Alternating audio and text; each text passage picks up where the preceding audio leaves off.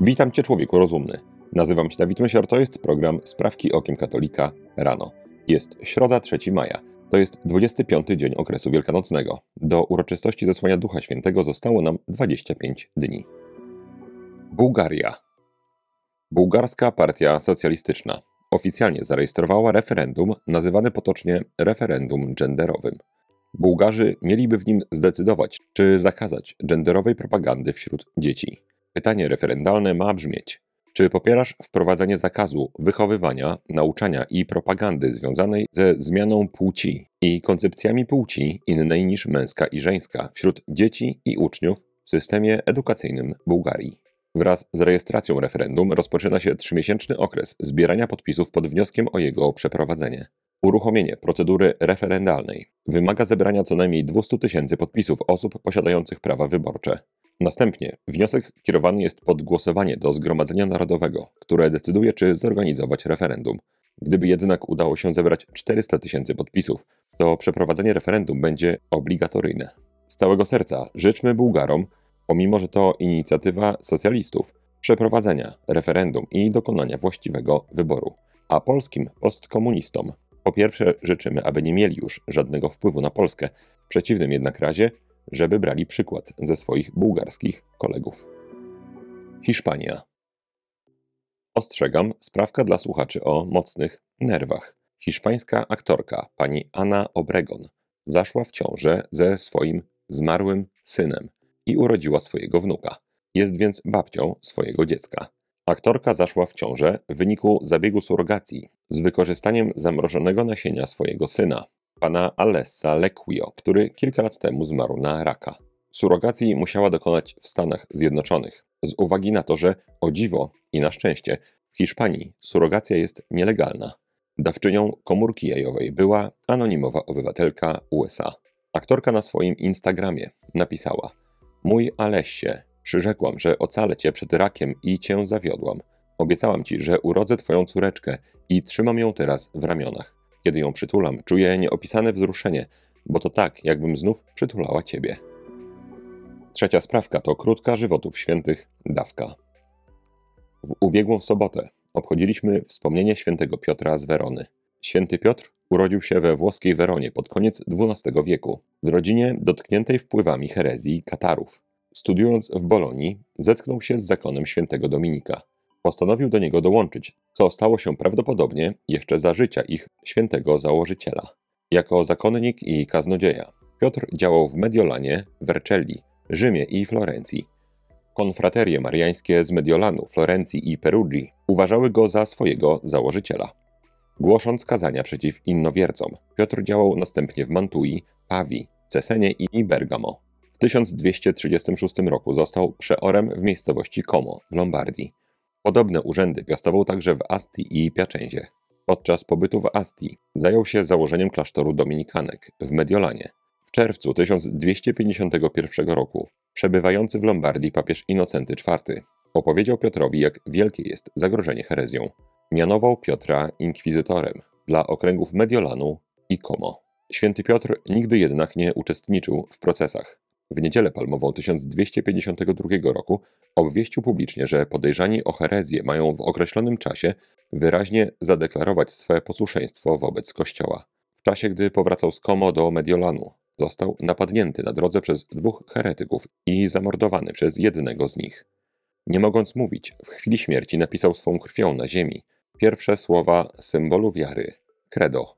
Jego zabójca o imieniu Carino nawrócił się, wstąpił do zakonu kaznodziejskiego i został bratem konwersem. Umarł w opinii świętości. Inocenty IV ogłosił Piotra świętym już w rok po jego męczeńskiej śmierci. Piotr z Werony to pierwszy męczennik zakonu dominikańskiego. Jego ciało znajduje się w bazylice Santo Eustorio w Mediolanie. Włochy. Włoski ksiądz katolicki Tullio Rotondo został zawieszony ad divinis przez swojego biskupa za opublikowanie książki przeciwko błędom papieża Franciszka, zawartym w jego posynodalnej adhortacji Amoris Leticia z roku 2016. O zawieszeniu księdza Rotondo zdecydował biskup Cibotti, po tym jak ksiądz Tullio odmówił wycofania publikacji książki, której tytuł brzmi Zdrada zdrowej doktryny przez Amoris Leticia jak papież Franciszek i niektórzy jego współpracownicy szerzą moralność sprzeczną z depozytem wiary. Ksiądz Rotondo w wywiadzie dla LifeSite News opisuje, co jego zdaniem nie spodobało się biskupowi w jego pracy. Główne twierdzenia, które spowodowały to zawieszenie, to te, przy pomocy których podkreślam błędy papieża, czyli jego sprzeciw wobec tradycji i Pisma Świętego. Począwszy od rozdziału trzeciego książki, podkreślam różne błędy, które papież i niektórzy jego współpracownicy rozpowszechniają w odniesieniu do sakramentu spowiedzi, sumienia moralnego, prawa moralnego i kary śmierci. Te błędy są przewrotem, a nie ewolucją katolickiej doktryny. Powinniśmy się im przeciwstawiać, gdyż są one bardzo szkodliwe dla zbawienia dusz. Ksiądz Rotondo mówi prawdę. W zamian za to zakazano mu między innymi sprawowania wszelkich sakramentów oraz noszenia stroju duchownego. Watykan. Tymczasem w Watykanie trwają prace nad kolejnym po Amoris Laetitia dokumentem, który będzie dotyczyć rozwodników. Kardynał Kevin Farrell, prefekt dykasterii do spraw świeckich, rodziny i życia, poinformował, że dykasteria na prośbę papieża Franciszka przygotowuje dokument, który będzie dotyczył związków osób rozwiedzionych, żyjących w nowych związkach cywilnych.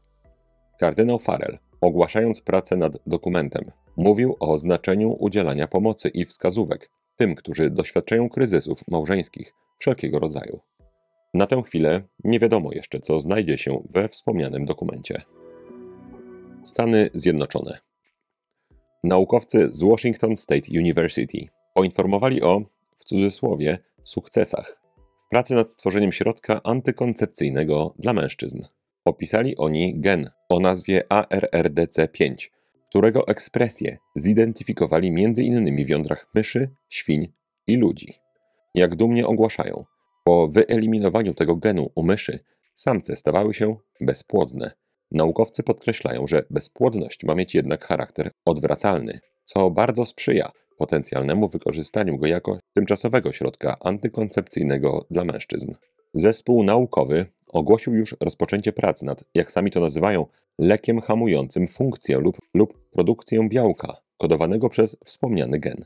Podkreślają, że ten tak zwany lek nie wymagałby ingerencji hormonalnej, co było dotychczas główną przeszkodą w stworzeniu męskiej antykoncepcji. Polska. W zeszłym tygodniu Rada Powiatu Świdnickiego głosowała nad wnioskiem o uchylenie stanowiska Rady Powiatu z 2019 roku w sprawie powstrzymywania ideologii LGBT przez wspólnotę samorządową. Wniosek o jej uchylenie złożył starosta świdnicki pan Łukasz Reszka z Prawa i Sprawiedliwości. W 2019 roku pan Reszka był za przyjęciem tej skądinąd słusznej uchwały. Jego zachowanie jest pokłosiem gruźb Unii Europejskiej. Samorządy rządzone przez Prawo i Sprawiedliwość zaczęły uchylać przyjęte wcześniej uchwały ze strachu przed utratą funduszy unijnych. Tym jednak przypadku, dzięki Bogu, radni świdniccy zagłosowali za pozostawieniem uchwały.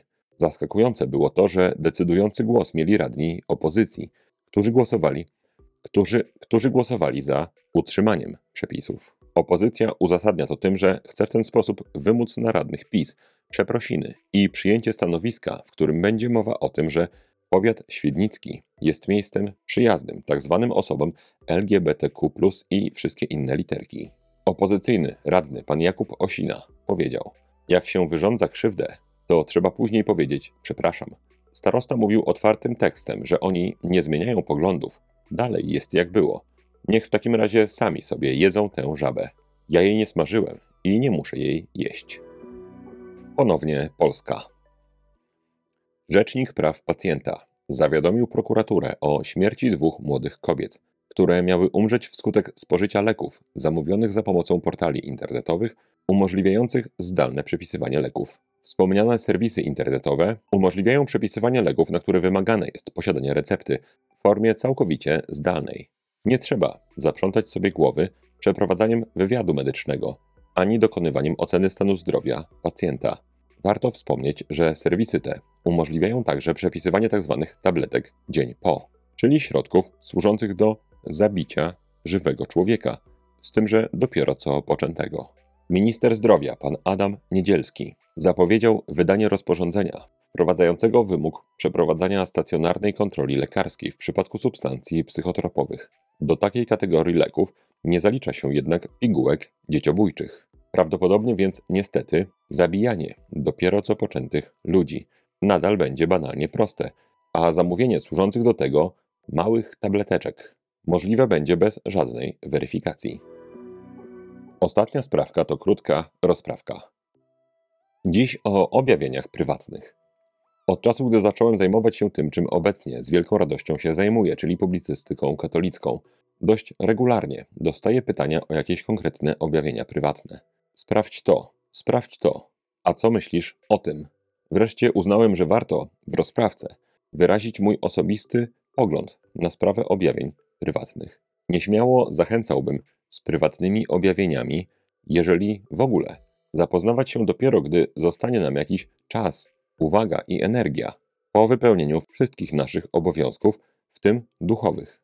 Jeżeli, mój drogi słuchaczu, przeszedłeś już naprawdę dogłębną katechizację, jeżeli żyjesz sakramentami, jeżeli masz dobrze ustawione życie modlitwą, jeżeli masz dobrze ukształtowane sumienie i jeżeli regularnie czytasz choć po trochu lektury duchowe oraz wykonujesz bez zarzutu wszystkie swoje obowiązki stanu, jako mąż, żona, ojciec, matka, pracownik, pracodawca i po tym wszystkim zostanie ci jeszcze czas i energia, może wtedy warto, chociaż nie wiem, interesować się objawieniami prywatnymi. I jeżeli już, to oczywiście tylko takimi, które się już dawno zakończyły i zostały uznane przez Kościół.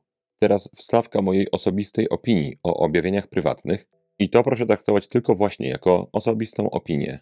Gdyby wszyscy katolicy robili te rzeczy, które wymieniłem, nie byłoby na świecie potrzeby żadnych objawień prywatnych. Wraz ze śmiercią ostatniego apostoła wszystko zostało powiedziane. Gdyby tylko ludzie byli wierni prawdzie objawionej, być może nie byłoby potrzeby, żeby na przykład Najświętsza Maria Panna się objawiała. W objawieniach, i to mówię tylko o tych uznanych przez Kościół, pojawia się, aby wstrząsnąć świadomością, sumieniami, przypomnieć proste prawdy. Ludzie, którzy bardzo interesują się objawieniami prywatnymi, często mają takie podejście, jakby Maryja mogła powiedzieć coś nowego. Niesamowicie szokujące i niesamowicie wstrząsające słowa Maryi.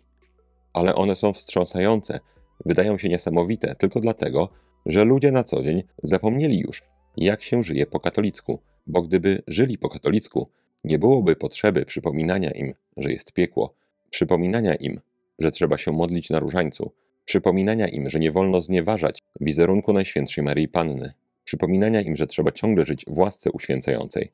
W swojej nieskończonej dobroci Pan Bóg jakoś pozwala Najświętszej Maryi Pannie ukazać się komuś i przypomnieć to, co jest ważne, ostrzec przed czymś, przed czym Kościół i tak ostrzegał przez dwa tysiące lat, ale być może niewystarczająco głośno, albo ludzie już byli za bardzo głusi. Więc moim skromnym zdaniem do wszystkich objawień prywatnych należy podchodzić w ten sposób. Maryja objawiła się komuś, dowiedzmy się więc, o czym tam przypomniała, a nie co tam powiedziała nowego, bo raczej niczego tak naprawdę nowego nie powie. Analiza objawień prywatnych i wyrabianie sobie swojego zdania, czy ja wierzę, czy ja nie wierzę, czy to do mnie przemawia, to interesujące. Dawid, spójrz na to. To wszystko nie jest człowiekowi do zbawienia niezbędne. Natomiast katechizacja siebie, swoich dzieci, sakramenty, życie modlitwą, lektura duchowa to wszystko wymaga pracy, czasu i do zbawienia duszy jest albo niezbędne, albo w niektórych przypadkach bardzo potrzebne, w odróżnieniu do objawień prywatnych. To na dzisiaj wszystkie. Sprawki okiem katolika rano. Jeżeli chcesz mi pomóc, daj na YouTubie łapkę w górę pod tym filmem i napisz komentarz. Jeżeli chcesz wspomóc tę pracę finansowo, to szczegóły, jak można przekazać mi drobną darowiznę, są w opisie tego odcinka. Bardzo Wam dziękuję za uwagę. Święty Piotrze z Werony, módl się za nami. Człowieku rozumny, trzymaj się, nie łam się i bardzo Ci dziękuję za Twój czas. Z Panem Bogiem.